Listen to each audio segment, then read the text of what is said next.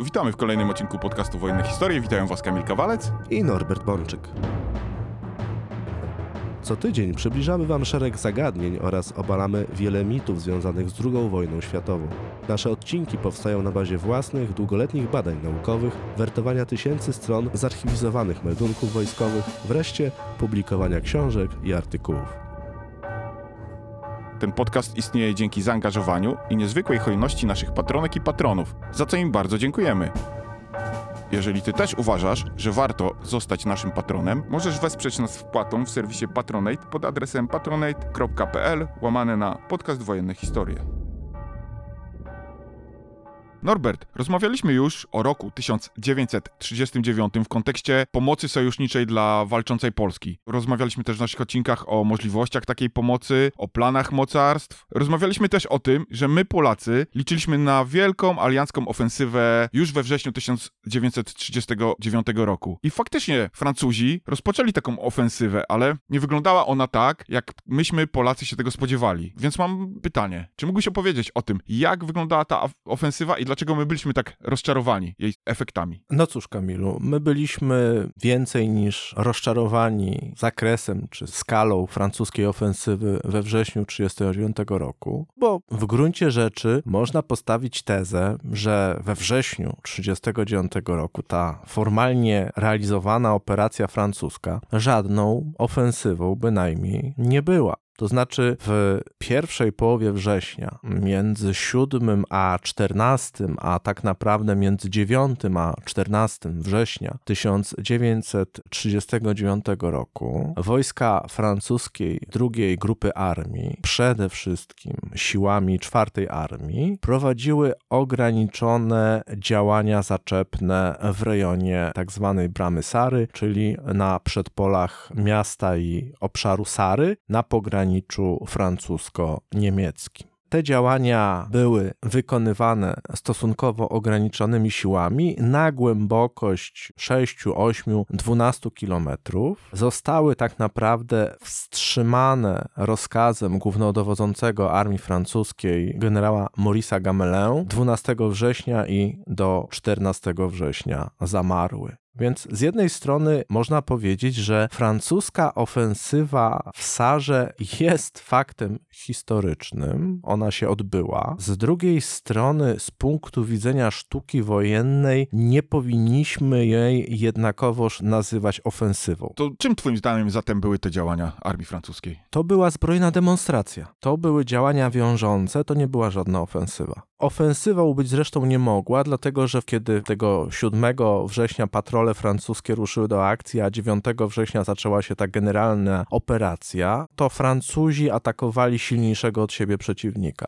9, 10, 11, 12 września, kiedy czołowe bataliony pułki francuskich dywizji piechoty szły do działań, nacierały, można by powiedzieć, ograniczonymi siłami przeciwko nieprzyjacielowi, który był silniejszy niż one. To była pewna demonstracja, która miała z jednej strony zamanifestować obecność armii francuskiej na pograniczu i odciągnąć jak najwięcej wojsk niemieckich z Polski, natomiast absolutnie zamysłem generała Gamelin nie była żadna ofensywa. Znaczy, gdyby pojawiły się sprzyjające okoliczności, to te działania mogłyby się przerodzić w ofensywę o celach ograniczonych pod warunkiem, że pojawiłyby się pozytywne ku temu przesłanki. Takie przesłanki się nie pojawiły, w związku z czym generał Gamelin nakazał wstrzymanie dalszych działań ofensywnych. Francuzi zajęli niewielki skrawek niemieckiego terytorium. Po trzecim tygodniu września zaczęli siły główne wycofywać z powrotem do Francji, ale zostawili na przedpolu siły osłonowe. Niemcy w październiku kontratakowali i zepchnęli te francuskie siły osłonowe z powrotem powrotem do Francji, a nawet z kolei wtedy to oni przekroczyli granicę francuską. To wszystko były działania demonstracyjne. A czy zatem, tak jak mówisz, ta ofensywa widmo dała jakiekolwiek rezultaty, czy było to po prostu działanie bez większego sensu ze strony Francuzów? Te działania miały wbrew pozorom dużo sensu, tyle tylko, że gdyby Niemcy mieli mniejszą armię, gdyby byli słabsi, to mogłoby to wywołać zamierzony efekt, bo raz jeszcze powtórzę, zanim przejdziemy do szczegółów, zamysłem generała Gamelin była zbrojna demonstracja, ograniczone działania bojowe, których zasadniczym i podstawowym celem było odciągnięcie z frontu polskiego jak największej liczby wojsk niemieckich. Ten zamysł całkowicie się nie udał. Gdyby kampania w Polsce trwała kilka miesięcy, to i tak było niemożliwe ze względu na to, że my mieliśmy zapasy amunicji, które predysponowały nas do oporu nie dłuższego niż 60 dni, maksymalnie 90, ale załóżmy w najbardziej optymistycznym założeniu, gdyby kampania w Polsce, nasz opór trwał na przykład 3 miesiące, wrzesień, październik, listopad 39 roku, no to te działania francuskie mogłyby przynieść jakiś efekt w rozumieniu odciążyłyby front polski. To znaczy sprawiłyby, że armia niemiecka zaczęłaby przerzucać na zachód większe siły kosztem frontu, swojego frontu wschodniego. No ale kampania w Polsce potoczyła się niestety dla nas tak, a nie inaczej. W związku z tym Niemcy i tak mogli dzięki szybkiemu sukcesowi przerzucać dodatkowe siły na zachód. Mogli nas bić w pełni skutecznie tym potencjałem, który posiadali na froncie wschodnim, swoim froncie wschodnim i tak naprawdę już po dwóch tygodniach wojny było wiadomo, że nasza sytuacja jest beznadziejna. W związku z czym jakiekolwiek demonstracje armii francuskiej na pograniczu i tak nie miały żadnego znaczenia. Ale czy to tak e, realnie pomogło w jakiś sposób walczącemu wojsku polskiemu? Nie za bardzo. No. Odeszło to Kriegsmarine na zachód, ale to nie w żaden sposób nie, nie wpływało pozytywnie na nas, bo te dysproporcje były po prostu zbyt wielkie. To, co Niemcy i tak zostawiali na froncie wschodnim, było zupełnie wystarczające, żeby nas zwyciężyć, nawet jeżeli kolejne ich siły odchodziły na zachód, bo my mamy ten problem, my dzisiaj i my wtedy, percepcji armii niemieckiej. Znaczy, Wehrmacht w 1939 roku w wymiarze lądowego i powietrznego pola walki był tak naprawdę armią o potencjale równym Wielkiej Brytanii, Francji, Polski razem wziętych. I to powodowało, że mógł wystawić bardzo duże zgrupowanie wojska i na swój front wschodni przeciwko Polsce i bardzo duże zgrupowanie wojska na front zachodni przeciwko Francji i wystawić duże zgrupowanie lotnicze przeciwko Wielkiej Brytanii. Mam na myśli tutaj to, że dywizjony niemieckich myśliwców broniły północno-zachodniej Rzeszy przed ewentualną interwencją brytyjskiego lotnictwa bombowego z Wysp Brytyjskich. No i oczywiście absolutna większość Kriegsmarine od razu we wrześniu 1939 roku wystąpiła przeciwko siłom aliantów zachodnich. Innymi słowy, we wrześniu 1939 roku Wehrmacht stoczył wojnę na dwa fronty, ale to była wojna inna niż potem w 1942-1943 roku, bo i przeciwnicy byli inni. Natomiast o tej francuskiej ofensywie 1939 roku można by powiedzieć, że są jakby dwie prawdy. To znaczy, Gamelin chciał zbrojnej demonstracji i demonstrację przeprowadził, ale jednocześnie w przekazie, w relacjach na przykład polsko-francuskich nie był z nami do końca szczery, a momentami wręcz można by powiedzieć, że rozmawiał z nami na pograniczu manipulacji. A co masz na myśli, mówiąc, yy, że tak wyglądały relacje polsko-francuskie? No bo oto na początku września 1939 roku do polskiego naczelnego wodza, marszałka Śmigłego Rydza, zaczęły spływać wiadomości frontowe, które były po prostu katastrofalne. Wszędzie było źle. No i marszałek już w pierwszym tygodniu września zdał sobie sprawę, że jego koncepcja prowadzenia kampanii obronnej spaliła na panewce, że to się nie uda realizować tak, jak on to sobie zamierzył pod koniec właśnie pierwszego tygodnia wojny, kiedy było już wiadomo, że sytuacja jest krytyczna, przecież ósmego dnia wojny niemieckie czołgi wjadą na ulice Warszawy. Odeprzemy je jeszcze wówczas, ale one już będą na ulicach Warszawy. I depeszowano do aliantów na zachodzie, do koalicjantów, do Wielkiej Brytanii, do Francji, do sztabów, no jaka jest sytuacja na zachodzie, jak możecie nam pomóc, jak możecie nas odciążyć. Jest taki znany, często przytaczany cytat z Gamelin, 8-9 września 1939 roku, roku. I wtedy Gamelin pisał do swoich polskich sojuszników, że tu cytat, ponad połowa dywizji na froncie północno-wschodnim jest zaangażowana w boju. Tu chodzi o front francusko-niemiecki. Niemcy stawiają zaciekły opór. Ze znań jeńców wynika, że Niemcy wzmacniają linię frontu nowymi silnymi jednostkami. Akcje naszego lotnictwa są ściśle powiązane z operacjami na lądzie. Wiemy, że zaangażowaliśmy znaczną część Luftwaffe. Reasumując, nasze działanie jest bardziej niż wystarczające, biorąc pod uwagę, że mobilizacja naszych sił jest jeszcze jeszcze w toku. W tej sytuacji większy wysiłek jest niemożliwy. Czyli nasz francuski aliant ustami swojego najwyższego dowódcy informował nas, że armia francuska rozpoczęła działania, że wiąże przeciwnika, ale jednocześnie Gamelin mówił, że walki trwają, że jesteśmy my, Francuzi, zaangażowani w boju, że Niemcy stawiają zaciekły opór, że używamy lotnictwa i mówił, no nasze działania są takie, jak możemy. Większych działań od nas nie oczekujcie. My dopiero mamy mobilizację, dopiero rozwijamy wojska, robimy co możemy. A że tak naprawdę w gruncie rzeczy robimy mało, no trudno. Jak ten komunikat został odebrany w Polsce? Każdy dzień przynosił nam coraz gorsze wieści z naszego własnego frontu. Klęska stawała się coraz bardziej oczywista, więc sonący brzytwy się chwyta. Tak naprawdę naczelny wódz wiedział, że większe siły francuskie mogą wystąpić na polu walki dopiero po 6-8 tygodniach. Więc nasze naczelne dowództwo, mimo umów z Francuzami z maja 1939 roku, umów wojskowych, które tam mówiły o tym, że po 15 dniu mobilizacji główne siły francuskie wystąpią i tak dalej. Tylko, że musimy wczuć się w sytuację tych ludzi na poziomie psychologicznym. Mówię o naczelnym wodzu, mówię o naszych oficerach. My doznajemy gigantycznej klęski. Wkrada się w nasze działanie, w nasze myślenie nerwowość, chaos, gorycz i przygnębienie. I z jednej strony my wiemy, że Francuzi dopiero się mobilizują, z drugiej strony jednak chcemy, żeby ich działania bojowe były bardziej widoczne, bardziej zamanifestowane, żeby to już natychmiast, z dnia na dzień przyniosło efekt na froncie polskim. Żeby nagle niemieckie dywizje się zatrzymały, żeby nagle połowa z nich odeszła na zachód, żeby Niemcy natychmiast przerzucili całe lotnictwo. No to były takie nierealne oczekiwania, podszyte goryczą i świadomością klęski. I już w połowie września, 14-15 września, polscy oficerowie z Paryża wysyłali naczelnemu wodzowi i jego kwaterze głównej raporty, meldunki, które sprowadzały się do stwierdzenia: zostaliśmy sami. Zachód nic dużego dla nas nie zrobi.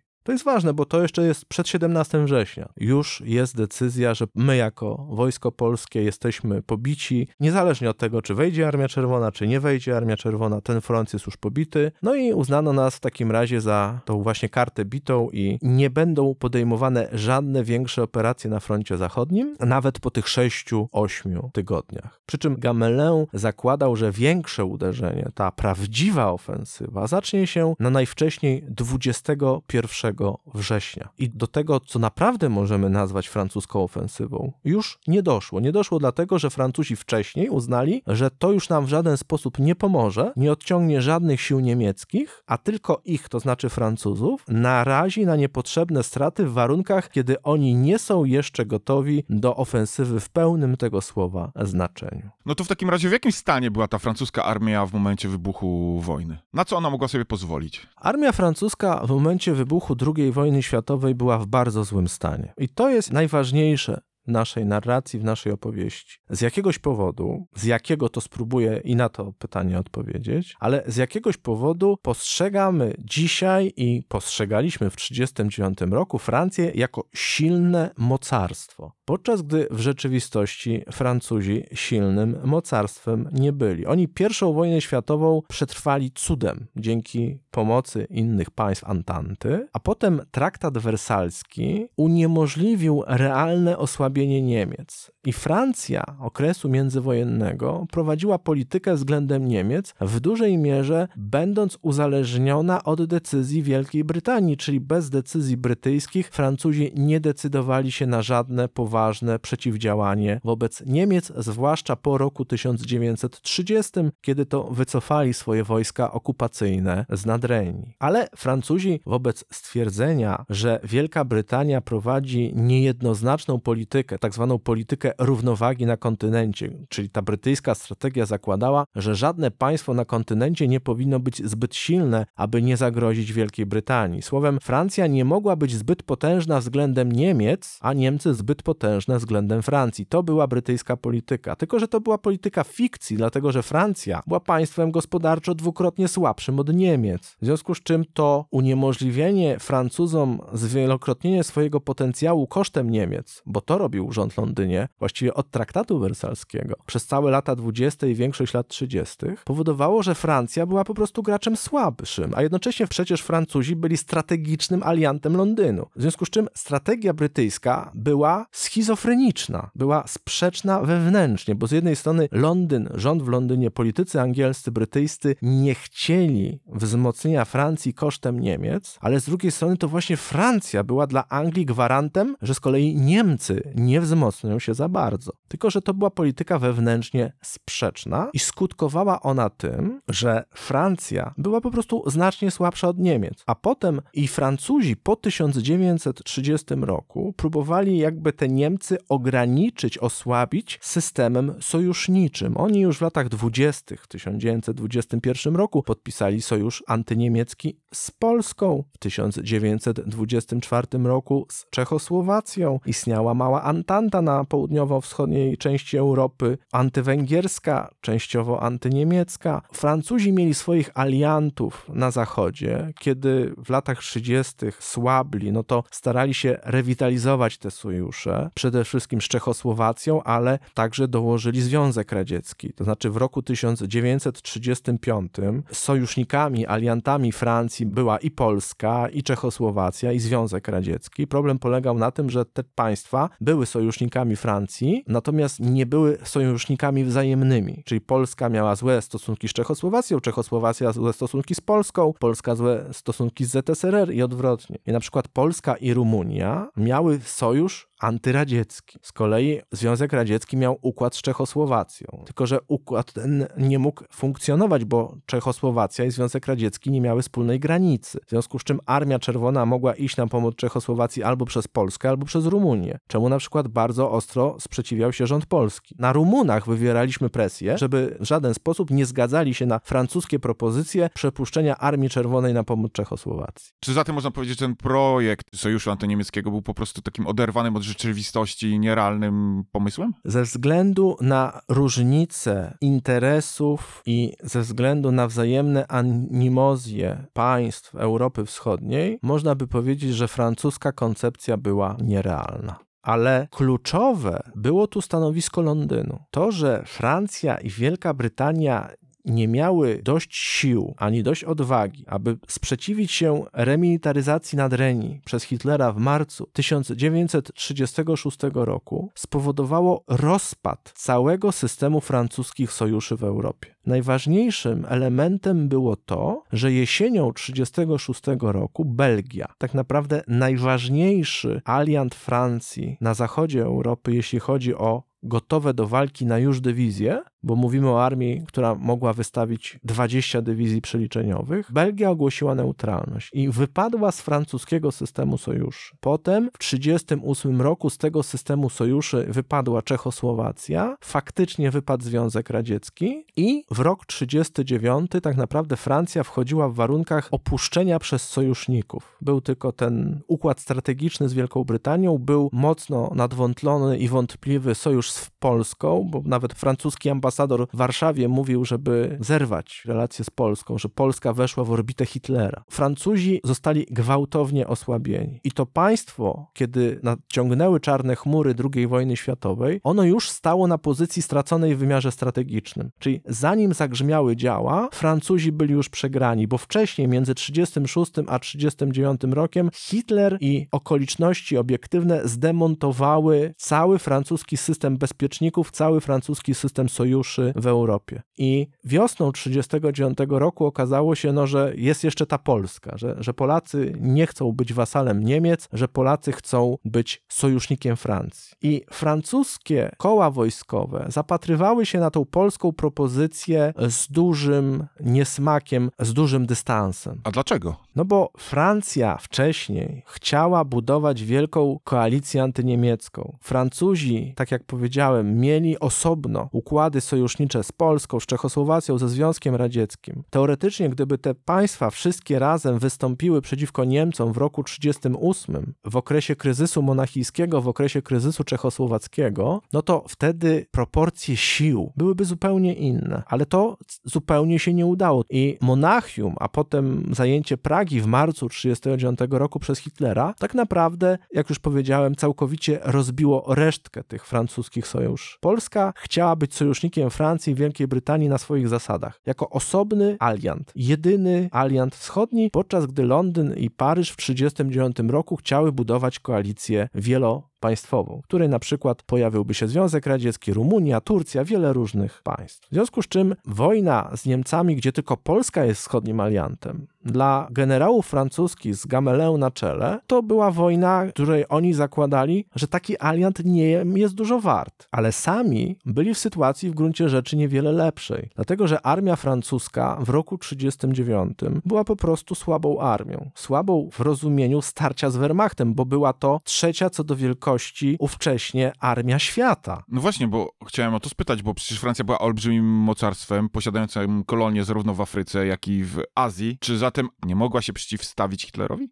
Na papierze Francja była wielkim kolonialnym mocarstwem. W 1939 roku wszystkie ziemie, nad którymi powiewała trójkolorowa flaga Republiki, zamieszkiwało 111 milionów ludzi. Francuzi mieli 7,5 tysiąca samolotów, 6100 czołgów, mieli 16 850 dział polowych, ponad 4000 dział przeciwpancernych, 1000 dział przeciwlotniczych. Słowem na papierze, jak to weźmiesz, wstawisz w tabelkę, no no potęga, no gigant. No wygląda to imponująco. Prawda? Te 6100 czołgów, nie? No wygląda to imponująco. No to co w takim razie było nie tak z tą potęgą Francji, jeżeli mogę tak spytać? Ze 111 milionów ludzi większość to byli mieszkańcy kolonii. Metropolitalną Francję zamieszkiwało tylko 42 miliony ludzi. A więc na już, na raz, na, w momencie, kiedy mobilizujesz siły zbrojne i wystawiasz się je do pierwszego miesiąca wojny, to masz do dyspozycji już nie 111 milionów ludzi, tylko tylko 42 miliony. 6100 czołgów. 3000 czołgów miało charakter czystego złomu. Nowych czołgów wyprodukowanych w latach 30. do 39 roku Francuzi mieli tylko 1800. W latach 30. Hitler wyprodukował więcej czołgów niż Francja. Absolutna większość ich czołgów to był po prostu złom. Renault FT z czasów Wielkiej Wojny. To odnosiło się też do absolutnie większej części ich lotnictwa. Oni mieli teoretycznie 7,5 tysiąca samolotów w linii, 1000 700 maszyn. Ich lotnictwo było trzykrotnie słabsze od niemieckiego. Ich armia z powodu problemów gospodarczych i błędnych decyzji strategicznych, kiedy Hitler wchodził w spiralę zbrojeń, to ich armia miała tylko 35 czynnych dywizji w roku 1936. Kiedy armia niemiecka wkraczała do Nadrenii, to armia francuska nie miała gotowości bojowej. I Francuzi nie byli gotowi zagrozić Niemcom wojną, bo się po prostu do tej wojny w żaden sposób nie czuli gotowi. Oni mieli armię, która musiała się zmobilizować, musieli w pełni zmobilizować przemysł, przestawić go na produkcję wojenną, poczekać, aż wreszcie zaczną w większych ilościach wchodzić na uzbrojenie nowe typy samolotów, nowe typy czołgów, nowe typy armat, bo na przykład w przypadku czołgów. Oni zaczęli produkować nowy czołg lekki wsparcia piechoty, Renault R35, powiedzmy od roku 1936, ale nie produkowali do tych czołgów armat, w związku z czym te czołgi dostawały stare armaty z czołgów czołgów Renault FT z Wielkiej Wojny i musiały czekać kolejne 3 lata, aż zostanie opracowana i wejdzie do masowej produkcji nowa docelowa armata przeciwpancerna kaliber 37 mm. Francja była potęgą na papierze. W praktyce tylko niewielka część ich wojsk można powiedzieć, że miała wysoką przebojowość na polu walki. Ale Francuzów wkładło to, że ich lotnictwo było przestarzałe. A w roku 1939 panowały już mniej więcej takie poglądy na wojnę jak dzisiaj, że lotnictwo jest no, warunkiem warunkiem niezbędnym do skutecznego, rozsądnego prowadzenia zwycięskich kampanii. Ta przewaga Hitlera w powietrzu to było to, co było najważniejsze w zastraszaniu rządów w Londynie i w Paryżu od roku 1935, od czasu powołania Luftwaffe. Dlatego Wielka Brytania, kiedy też w roku 1936 weszła w spiralę zbrojeń, to postawiła sobie takie cztery cele strategiczne do realizacji. Dla Brytyjczyków punktem numer jeden w rozwoju sił zbrojnych od 1936 roku był rozwój rozwój lotnictwa plus OPL, sieć radarowa, naziemna obrona przeciwlotnicza, a przede wszystkim Royal Air Force. O tym już rozmawialiśmy w odcinku o British Army. Oni mogli w 1939 roku, kiedy wybuchła wojna, wysłać natychmiast na pomoc Francuzom cztery dywizje. I Francja miała świadomość tego, że budowa armii na wojnę z Hitlerem to proces, który nie zakończy się wcześniej jak w 1941 roku. I oto wiosną 1939 roku przyjechali polscy oficerowie i powiedzieli: Potrzebujemy waszego wsparcia na wypadek, kiedy główne siły niemieckie runą na Polskę. A wtedy generał Gamelin powiedział: A skąd panowie sądzicie, że akurat runą na was? Ja osobiście powiedział Gamelin, równie prawdopodobny uważam scenariusz, że najpierw zaatakują nas. Nasi oficerowie, którzy negocjowali z Gamelin, można by powiedzieć, byli bardziej przenikliwi niż francuski generał, dlatego że słusznie zauważyli, że Polska jest najsłabszym ogniwem koalicji antyniemieckiej. W związku z czym Hitler najpierw powali nas, żeby mieć spokój żeby mieć wolne tyły przed rozgrywką z Francją. Ale Gamelin uważał, że to jest tylko jeden z wielu scenariuszy, że tak naprawdę Niemcy mogą równie dobrze najpierw uderzyć na Francję. Ale mówiłeś, że wiesz, skąd się wzięło takie myślenie o Francji jako światowym porównywalnym z Rzeszą Niemiecką. Skąd? Przede wszystkim dlatego, że wiele osób błędnie interpretowało wynik I wojny światowej. Tak jak wiele osób błędnie potem interpretowało wynik II wojny światowej. Tak jak wiele osób twierdziło, że Niemcy przegrały II wojnę światową, bo głównym motorem ich klęski był Związek Radziecki. W rzeczywistości wygrała Wielka Koalicja. W I wojnie światowej Francja przyjęła na siebie główny ciężar niemieckiego uderzenia i zapłaciła za to gigantyczną cenę. Francuzi mieli traumę Wielkiej Wojny, Verdun i tych wszystkich bitew, gdzie zginął kwiat ich męskiej młodzieży. Oni czuli się zdekapitowani I wojną światową. Oni się czuli słabsi i słusznie czuli się słabsi od Niemiec. Ale właśnie traktat wersalski na Francję, na słabe państwo w stosunku do Rzeszy Niemieckiej, nakładał rolę policjanta europejskiego porządku. No bo tak jak powiedziałem, no przecież Francuzi mieli tyle armat, mieli tyle samolotów, mieli tyle czołgów, na papierze, tak, ale nie realnie, nie na polu walki. Można by powiedzieć, że dzisiaj Putin też na papierze miał 10-12 tysięcy czołgów gdzieś w jakichś składach na Syberii tylko że jak przyszło co do czego, więcej jak 3000 wystawić nie potrafił.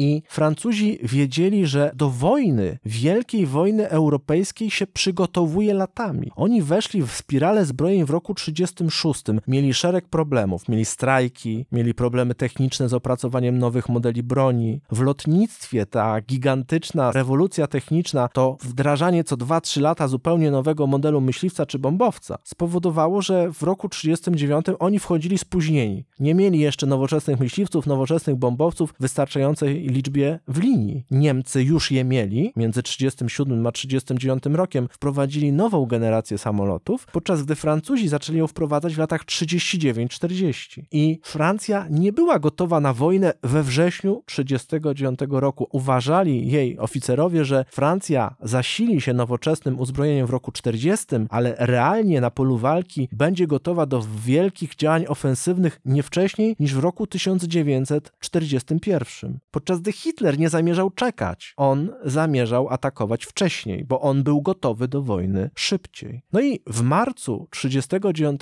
roku dla wszystkich było już wiadomo, że wojna wybuchnie w Europie. Hitler złamał postanowienia w Monachium, zajął resztę Czechosłowacji, zajął Pragę, no i z jednej strony Francuzi i Anglicy, a z drugiej strony Hitler zaczęli przygotowywać się do nowej wojny europejskiej. I rzeczywiście Hitler zamierzał zaatakować Francuzów, tak jak sądził Gamelin, ale niespodziewanie my powiedzieliśmy, że jesteśmy aliantem Paryża, jesteśmy aliantem Londynu, że my się na hitlerowski dyktat nie godzimy, w związku z czym zmienił plany i najpierw postanowił zaatakować nas, żebyśmy my nie mieli pomysłu rzucić mu się na plecy, kiedy on będzie gruchotał Francuzów. Czy Francuzi dalej trzymali się zdania swojego głównodowodzącego, generała Gamelin, że jednak Hitler zaatakuje najpierw ich? Tak. Wiosną 1939 roku uważano, że Francja będzie pierwszym celem armii Hitlera. I kiedy my spojrzymy na francuską armię przed wojną, ona była niezbilansowana strukturalnie. Były bardzo duże wojska lądowe, była relatywnie duża marynarka wojenna i były bardzo słabe siły powietrzne. Francja miała 1700 samolotów uzbrojonych w linii, licząc wodno samoloty i maszyny rozpoznawcze. To było jak na mocarstwo mało, chociaż były to siły porównywalne z brytyjskimi, tylko że znacznie mniej nowoczesne w powietrzu. Ale Francja miała wielkie siły lądowe, ale nawet tu bilans był zły, ponieważ armia francuska miała teoretycznie 22 korpusy, 10 dowództw armii mogła rozwinąć siły zbrojne po mobilizacji nawet na poziomie powyżej 80 dywizji. Ale mówimy tu o wojskach rozwijanych nie tylko w metropolii, ale także w koloniach, a poza tym Francja nawet na poziomie wojsk lądowych miała olbrzymie wojska forteczne, stanowiące ekwiwalent 20 związków taktycznych. Można by powiedzieć, że 20% francuskiego potencjału na polu walki lądowego było uwiązane do umocnień. Ta nieszczęsna linia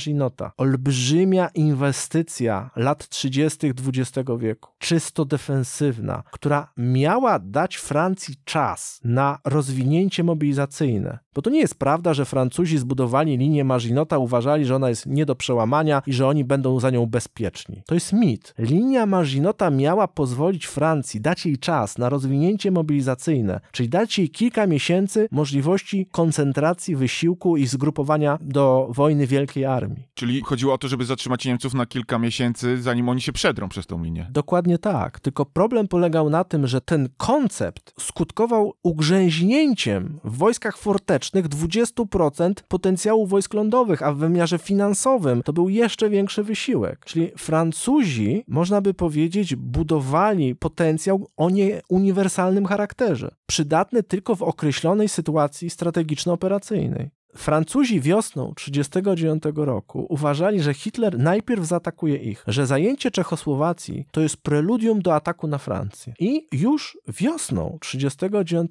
roku zaczęła się we Francji częściowa mobilizacja. Francuzi w lipcu 1939 roku mieli już milion ludzi pod bronią. Oni szykowali się do wojny. 20 sierpnia, to jest cztery dni przed nami, rozpoczęła się we Francji skryta mobilizacja wojsk aktywnych. I kiedy 1 września 1939 roku Francja formalnie ogłosiła mobilizację jawną, która wchodziła w życie następnego dnia, czyli 2 września, to w momencie, kiedy Francuzi ogłosili mobilizację jawną, już mieli pod bronią ponad 2,5 miliona żołnierzy, bo ta mobilizacja jawna w Polsce, we Francji, w Niemczech, to było rozwijanie tak naprawdę armii drugiego, trzeciego, czwartego rzutu. Wszystkie państwa kontynentalne 1 września miały w mniej lub większym stopniu już armię zmobilizowaną tego rzutu pierwszego, tą armię aktywną. I Francuzi 1 września 1939 roku mieli już ponad 2,5 miliona żołnierzy pod bronią, z czego 2 miliony 400 tysięcy w metropolii. A czy to zatem jest równoznaczne z tym, że te 2 miliony żołnierzy mogło ruszyć na Niemcy już we wrześniu 1939 roku? No właśnie nie, dlatego że wyjaśnijmy. Wojsko dzieli się na różne kategorie gotowości, mobilizacji. Tak jest dzisiaj, tak było kiedyś. We Wehrmachcie mieliśmy dywizję pierwszej fali, drugiej, trzeciej, czwartej. Chodzi o falę mobilizacji, czyli dywizje, które są gotowe do walki w czasie pokoju. Hitler podnosi słuchawkę, mówi za 48 godzin ta dywizja ma działać. I są takie dywizje, które po podniesieniu słuchawki przez Hitlera potrzebują na przykład 72 godzin, żeby się zmobilizować, a na przykład tygodnia, żeby zająć pozycję bojową. Inne będą gotowe do walki za dwa tygodnie, inne za cztery tygodnie. To są właśnie etapy mobilizacyjne. W armii francuskiej było bardzo podobnie. W armii francuskiej istniały dywizje typu A i dywizje typu B i stopień mobilizacji też był rozciągnięty w czasie. 20 sierpnia, jak powiedziałem, Francuzi rozpoczęli skrytą mobilizację wojsk aktywnych. To oznaczało wystawienie w przeciągu tygodnia zgrupowania tylko kilkunastu dywizji. Cała armia francuska, która mogła się rozwinąć w ramach skrytej mobilizacji wojsk aktywnych, liczyła tylko 33 dywizje, czyli na wypadek zagrożenia wojennego w metropolii armia francuska to było 30 dywizji piechoty, piechoty zmotoryzowanej, kawalerii i jednostki zmechanizowane. W 1939 roku Francja miała dwie rozwijane natychmiast dywizje zmechanizowane, powiedzmy nazwijmy je zmechanizowane bądź pancerne, mimo że liczba dywizji zmotoryzowanej piechoty było 7, to było dwa razy więcej niż w Wehrmachcie. Ale Francuzi między 20 a 27 sierpnia rozwinęli 7 dywizji piechoty zmotoryzowanej i 11 dywizji piechoty. To było pierwsze zgrupowanie. Potem zaczęli rozwijać 4 dywizje północnoafrykańskie, 5 dywizji strzelców alpejskich, czyli tych dywizji piechoty górskiej, górskiej, dwie dywizje zmechanizowane, trzy dywizje kawalerii, sześć brygad. Łącznie, kiedy Hitler szykował się do wojny, to całe zgrupowanie armii francuskiej miało 33 dywizje. Ile w takim razie y, dywizji miał Hitler do dyspozycji? No, tu odsyłam też do odcinka o 26 sierpnia. Inny był niemiecki plan inwazji, który miał się zacząć 26 sierpnia. Inny był plan inwazji, który spracował 1 września. Niemcy zamierzali zaatakować Polskę bez mobilizacji jawnej w warunkach, kiedy dysponowaliby 50 dywizjami. Wówczas zamierzali bronić się na granicy zachodniej przeciwko Francji siłami 12 dywizji pierwszego rzutu, podczas gdy Francuzi po mobilizacji, ale na terenie całej Francji, mieliby tych dywizji 30. Natomiast właśnie ta postawa Francji, Wielkiej Brytanii, które jednak podjęły decyzję, że będą prowadzić wojnę z Hitlerem, zmodyfikowała niemieckie planowanie i Niemcy zamiast 50 dywizjami rozpoczęli wojnę ponad setką dywizji, bo po prostu zmobilizowali w międzyczasie dywizję kolejnych fal. I kiedy 26 sierpnia za zaczęłaby się wojna, gdyby Hitler zrealizował swój pierwotny plan, to 26 sierpnia 1939 roku w gotowości bojowej armia francuska miała 6 gotowych dywizji oraz 22 kolejne w trakcie mobilizacji niejawnej. Słowem, tak czy inaczej, to Niemcy byli stroną inicjatywną, to Niemcy narzucali warunki gry. Kiedy 1 września 1939 roku wybuchła wojna, armia francuska nie była jeszcze gotowa do wojny, miała 30 dywizji aktywnych już zmobilizowanych, a 1 września poszedł sygnał: mobilizujemy resztę dywizji typu A, mobilizujemy dywizję typu B. To oznaczało, że należy zmobilizować kolejnych 13 dywizji piechoty typu A, 15 typu B, kolejne 3 dywizje piechoty górskiej, kolejne dywizje północnoafrykańskie, słowem 38 kolejnych dywizji. I jak tak policzymy to wszystko, jak rozpiszemy w szczegółach francuski plan mobilizacyjny, to wychodzi nam, że do końca września 1939 roku armia francuska rozwijała się do poziomu 80 dywizji. Na wszystkich obszarach, łącznie z granicą hiszpańską, łącznie z granicą włoską, ponieważ Francuzi zakładali, że również Włochy wystąpią po stronie Niemiec. No tak czy inaczej francuski plan wojny zakładał, że do 21 dnia jawnej mobilizacji armia francuska będzie miała 56 dywizji na frontach, na wszystkich frontach to nie był potencjał umożliwiający wielkie operacje zaczepne. Ale co jeszcze istotniejsze, generał Gamelin nie wierzył w to, że akurat Polska będzie pierwszym celem. Dlatego on na przełomie sierpnia i września rozwinął wojska w systemie kordonowym. Francja wystawiła łącznie osiem armii. Pierwsza grupa armii generała Bilota, składająca się z pierwszej i drugiej armii oraz grupy operacyjnej Ardeny, rozwinęła się na pograniczu belgijsko-francuskim, ponieważ Gamelin obawiał się, że Niemcy mogą zaatakować Francję z tego kierunku. Z kolei druga grupa armii generała Pretelata, ona rozwinęła się na pograniczu niemiecko-francuskim w Alzacji i Lotaryngii. To była teoretycznie największa grupa armii, bo składała się z czterech armii, trzeciej, czwartej, piątej i ósmej. Ale w momencie rozwinięcia, kiedy Hitler ruszył na Polskę, to spójrzmy na te siły. Trzecia armia miała cztery dywizje, czwarta armia dwie dywizje, piąta armia dwie dywizje, ósma armia trzy dywizje. Czyli cała granica niemiecko-francuska w momencie, kiedy Francja wypowiadała wojnę Niemcom, była obsadzona tylko przez 11 francuskich dywizji w pierwszym rzucie. I było to mniej niż niemiecki dowódca na froncie zachodnim, generał von Lieb, miał swoich dywizji. No właśnie, ile dywizji mieli Niemcy po wschodniej stronie granicy? No cóż, jeśli chodzi o Niemców, to Niemcy mieli w tym momencie na froncie zachodnim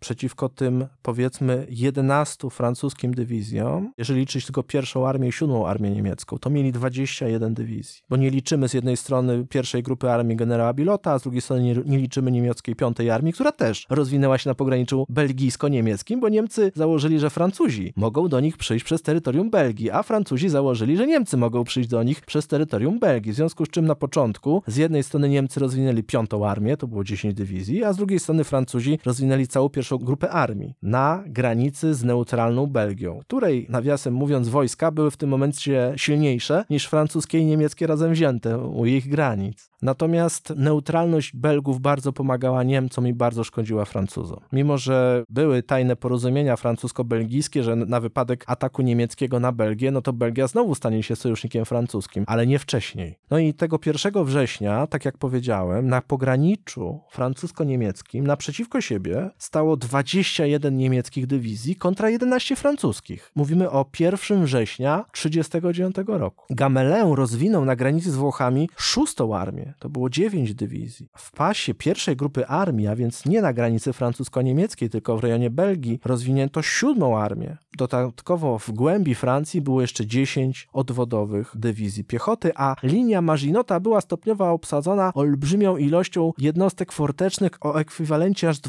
21 dywizji. To tak naprawdę w pewnym sensie były dywizje zmarnowane. Ich nie można liczyć do tego bilansu armii operacyjnej. No i Francuzi z początku, jak powiedziałem, rozwinęli się kordonowo. No tylko, że 3 września, kiedy Francja wypowiedziała wojnę Niemcom, było już oczywiste, że Niemcy siłami głównymi napadli na Polskę. Więc Francuzi zaczęli przerzucać stopniowo swoje dywizje z innych kierunków na kierunek pogranicza francusko-niemieckiego, ale zrozummy, to był proces. Oni 3 września nie byli gotowi do działań, ale wzmacniali się w kolejnych dniach. No trzecia armia urosła z czterech dywizji ostatecznie w kolejnych dniach do dziewięciu. Czwarta armia z dwóch do ośmiu, piąta armia z dwóch do sześciu. Ostatecznie ich wojska z tych 11 dywizji wzrosły relatywnie szybko do 34. W połowie września 1939 roku na kierunek granicy francusko-niemieckiej zaczęto ściągać już ponad 30 francuskich dywizji. Czyli można by powiedzieć, to była siła główna generała Gamelin. Czy Niemcy dalej na granicy niemiecko-francuskiej i belgijsko-niemieckiej mieli te 21 dywizji? Nie, dlatego że cały czas trwał proces wzmacniania obu stron. 1 września w pierwszej w siódmej armii niemieckiej było łącznie 21 dywizji, przeciwko tak naprawdę 11 dywizjom francuskim. W kolejnych dniach Niemcy ściągali nowe siły. Na zachód już 1 września przyszedł rozkaz trzy dywizje mobilizowane kolejne, 3 września 9 kolejnych dywizji. Już 10 września 1939 roku na froncie zachodnim Niemcy mieli 44 dywizje piechoty w trzech armiach, w piątej, w pierwszej i w siódmej. To było 12 dywizji pierwszej fali mobilizacyjnej, 10 drugiej, 12 trzeciej, 9 czwartej, plus jeszcze kombinowana dywizja oparta o Grenzschutz. 7 września, kiedy francuskie wojska rozpoczęły pierwsze niemrawe jeszcze operacje rozpoznawcze na terenie Rzeszy, francuska druga grupa armii miała łącznie na pierwszej linii frontu i w odwodach 17 dywizji i zaatakowała wojska niemieckie, które miały wówczas 7 września 25 dywizji. 26 września Francuska druga grupa armii, jak już powiedziałem, urosła do poziomu 35 dywizji, co nie zmienia faktu, że siły niemieckie, licząc same dywizje, były bardzo podobne. Czyli Gamelin nie miał przewagi nad przeciwnikiem. Kiedy spojrzymy na ugrupowanie obu stron 7 września 1939 roku, to jest moment, kiedy trzecia, czwarta i piąta armie francuskie drugiej grupy armii rozpoczynają pierwsze ograniczone operacje zaczepne. To wchodzą w przeciwnika, idą w kierunku bramy Sary, to jest 150 km. Regulamin dywizji piechoty tego okresu mówił: skuteczna obrona związkiem taktycznym takim jak dywizja piechoty powinna być prowadzona na szerokości nie większej niż 10 km. I Niemcy Niemcy na tych 150 kilometrach rozwinęli 16 własnych dywizji, regulaminowo. Jedna dywizja nie więcej jak 10 kilometrów obrony. I Gamelin szedł przeciwko przede wszystkim pierwszej armii niemieckiej, która broniła bramy Sary. To są dywizje, które już okopane są na pozycjach wału zachodniego i czekają na tych Francuzów z czwartej, z trzeciej, piątej armii, którzy 7 września zaczynają operacje rozpoznawcze, 9 zaczynają większe operacje zaczepne. Większe to znaczy, że zamiast dywizjonów rozpoznawczych dywizji piechoty zaczynają atakować poszczególne bataliony pułków piechoty w rozumieniu zajmijmy wioskę na pograniczu albo spróbujmy dojść do pogranicznej linii kolejowej i wejdźmy na głębokość 4, 6, 8 kilometrów albo opanujmy przygraniczny las. Bo co robią Francuzi? Oni dostają od Gamelin rozkaz podejść powoli i metodycznie na przedpole linii Zygfryda, czyli wału zachodniego linii niemieckich umocnień, rozpoznać skalę oporu przeciwnika, nie prowadzić żadnych wielkich operacji, tylko podejść podejść wojskiem pod główną linię oporu przeciwnika, a główna linia oporu przeciwnika przesłaniana jest odcinkiem kilku bądź kilkunastu kilometrów niemieckiej ziemi, gdzie Niemcy mają wojska wystawione na przedpole i bronią po prostu granicy, a Francuzi mają sprawdzić, jaka jest skala oporu, bo to nie jest rozkaz prowadzimy ofensywę, tylko metodycznie przechodzimy granice i powoli, krok po kroku zajmujemy przedpole. Czyli Francuzi tak naprawdę mieli posunąć się tak daleko, jak daleko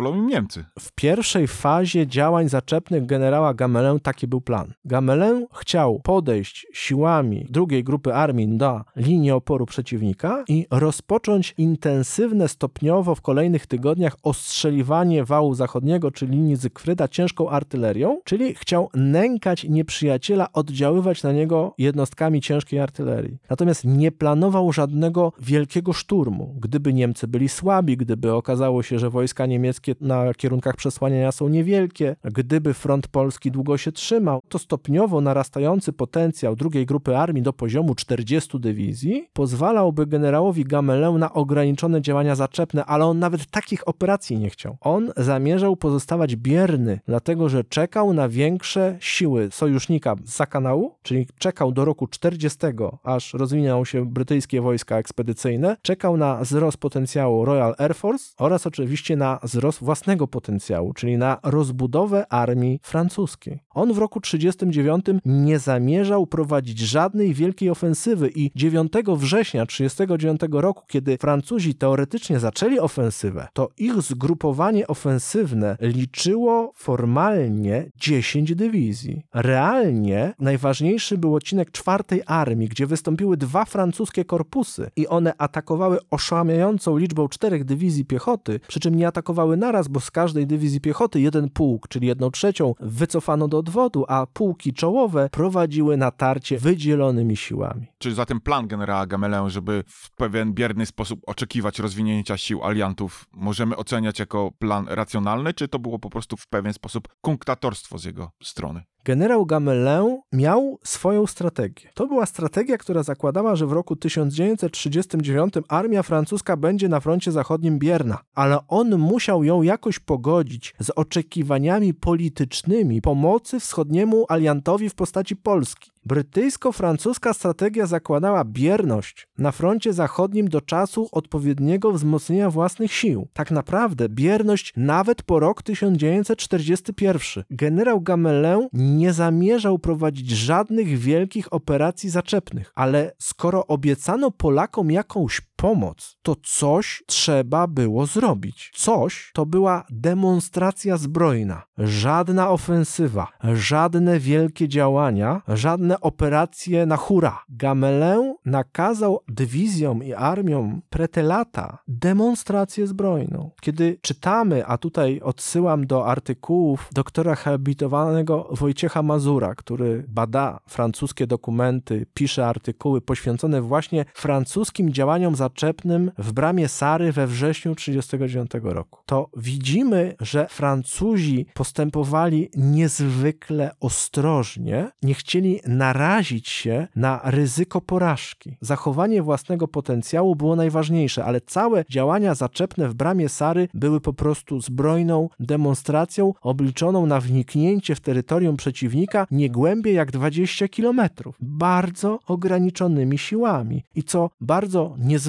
było to prowadzone w 9, 10, 11, 12 września, jak już powiedziałem, w warunkach przewagi liczebnej nieprzyjaciela, z której zresztą Francuzi nie do końca zdawali sobie sprawę. Gdyby oni poszli na hura, gdyby ta czwarta armia tymi pięcioma dywizjami naprawdę ruszyła na Niemców, to Niemcy po prostu by ich zmasakrowali, ponieważ Francuzi mieli problem, jak już powiedziałem, z powolną koncentracją sił i środków. Oni potrzebowali co najmniej miesiąca, żeby na pograniczu francusko-niemieckim zebrać wojska do jakichś większych operacji zaczepnych, zgromadzić amunicję, ciężką artylerię. Nie było możliwości, by 15 dnia po mobilizacji powszechnej armia francuska mogła rozpocząć działania zaczepne jakimiś wyraźnie dużymi siłami. A jak Niemcy zatem oceniali te działania francuskie od 7 do 14 września? Czy zdawali sobie sprawę, że to są działania niewielkimi siłami i nie rozwinie się to w jakąś wielką ofensywę? Niemcy byli przeświadczeni, że Francuzi nie wypowiedzą im wojny, ale o tym już rozmawialiśmy. Potem zorientowali się pod koniec sierpnia, że będzie jednak inaczej. Bardzo dobrze zabezpieczyli się na wojnę na dwa fronty w rozumieniu Polska i Francja przeciwko nim. Jeszcze dzień przed wybuchem wojny, 31 sierpnia 1939 roku, Hitler miał na granicy z Polską półtora miliona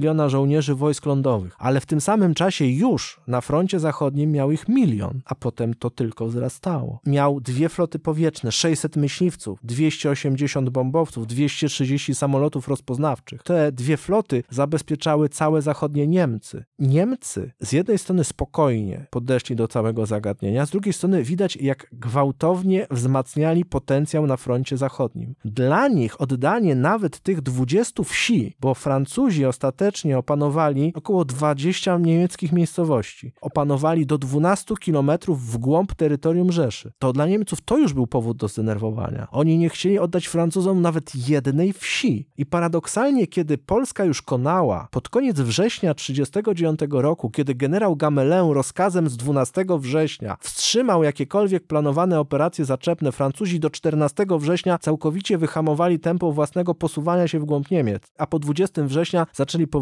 cofać się nawet na pozycje wyjściowe. I nieparadoksalnie właśnie w trzeciej dekadzie września 1939 roku na froncie zachodnim te walki znowu zaczęły przybierać na sile, bo na przykład uaktywniło się bardzo lotnictwo obu stron. W trzeciej dekadzie września 1939 roku intensywność walk powietrznych nad granicą francusko-niemiecką była już znacznie większa niż intensywność działań powietrznych nad Polską, może pomijając bombardowanie Warszawy. We wrześniu 1939 roku, jakby na to nie patrzeć, Francja straciła ponad 60 samolotów, z czego prawie 40 w walce. Potem w październiku niemiecka pierwsza armia postanowiła, jak już powiedziałem, wypchnąć tych Francuzów z pogranicza. I w październiku między 16 a 24 października to Niemcy wypychali z kolei Francuzów. I to prowadziło do kolejnych starć powietrznych, do kolejnych strat na polu walki lądowym. We wrześniu 1939 roku Francuzi w działaniami demonstracyjnymi stracili 2000 żołnierzy, zabitych, rannych, zaginionych, chorych oraz 60 samolotów. Royal Air Force straciło 20 samolotów. Jeśli chodzi o Niemców, to oni stracili z kolei 56 samolotów i około 700 żołnierzy. Czyli z punktu widzenia walk w Polsce to są straty minimalne, no może poza lotnictwem, ale no dynamika działań była niezwykle ograniczona. Zamysł generała Gamelin,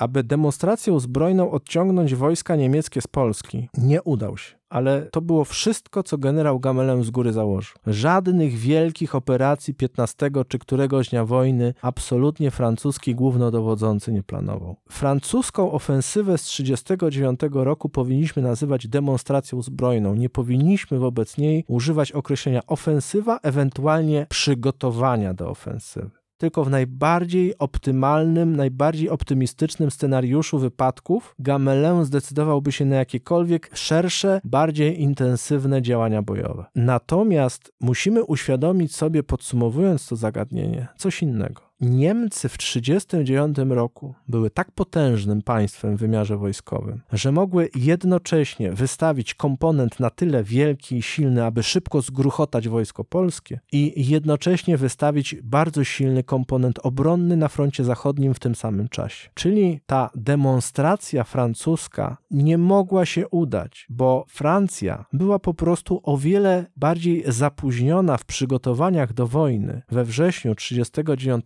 roku i rozwijała swój potencjał bojowy o wiele wolniej niż armia niemiecka. I to najlepszym tego symbolem jest to, że w czasie tak zwanej ofensywy Gamelin, ktoś powie między 7 a 14, ktoś między 9 a 14 września 1939 roku, więcej dywizji w obronie na umocnionych pozycjach wału zachodniego mieli tam Niemcy niż atakujący ich Francuzi. Myślę, Norbert, że to jest idealna puenta tego odcinka, w którym udało nam się, mam nadzieję, pokazać, jak bardzo Francja była słaba w momencie wybuchu II wojny światowej i jak silni byli Niemcy na zachodzie w tym samym czasie. Także dziękuję Ci ślicznie za ten odcinek i do usłyszenia. Dziękuję bardzo. Dziękujemy, że byłeś z nami do końca tego odcinka. Odwiedź nas na Facebooku, Instagramie, Twitterze lub TikToku. Wszędzie tam znajdziesz nas wpisując podcast Wojenne Historie. Do usłyszenia.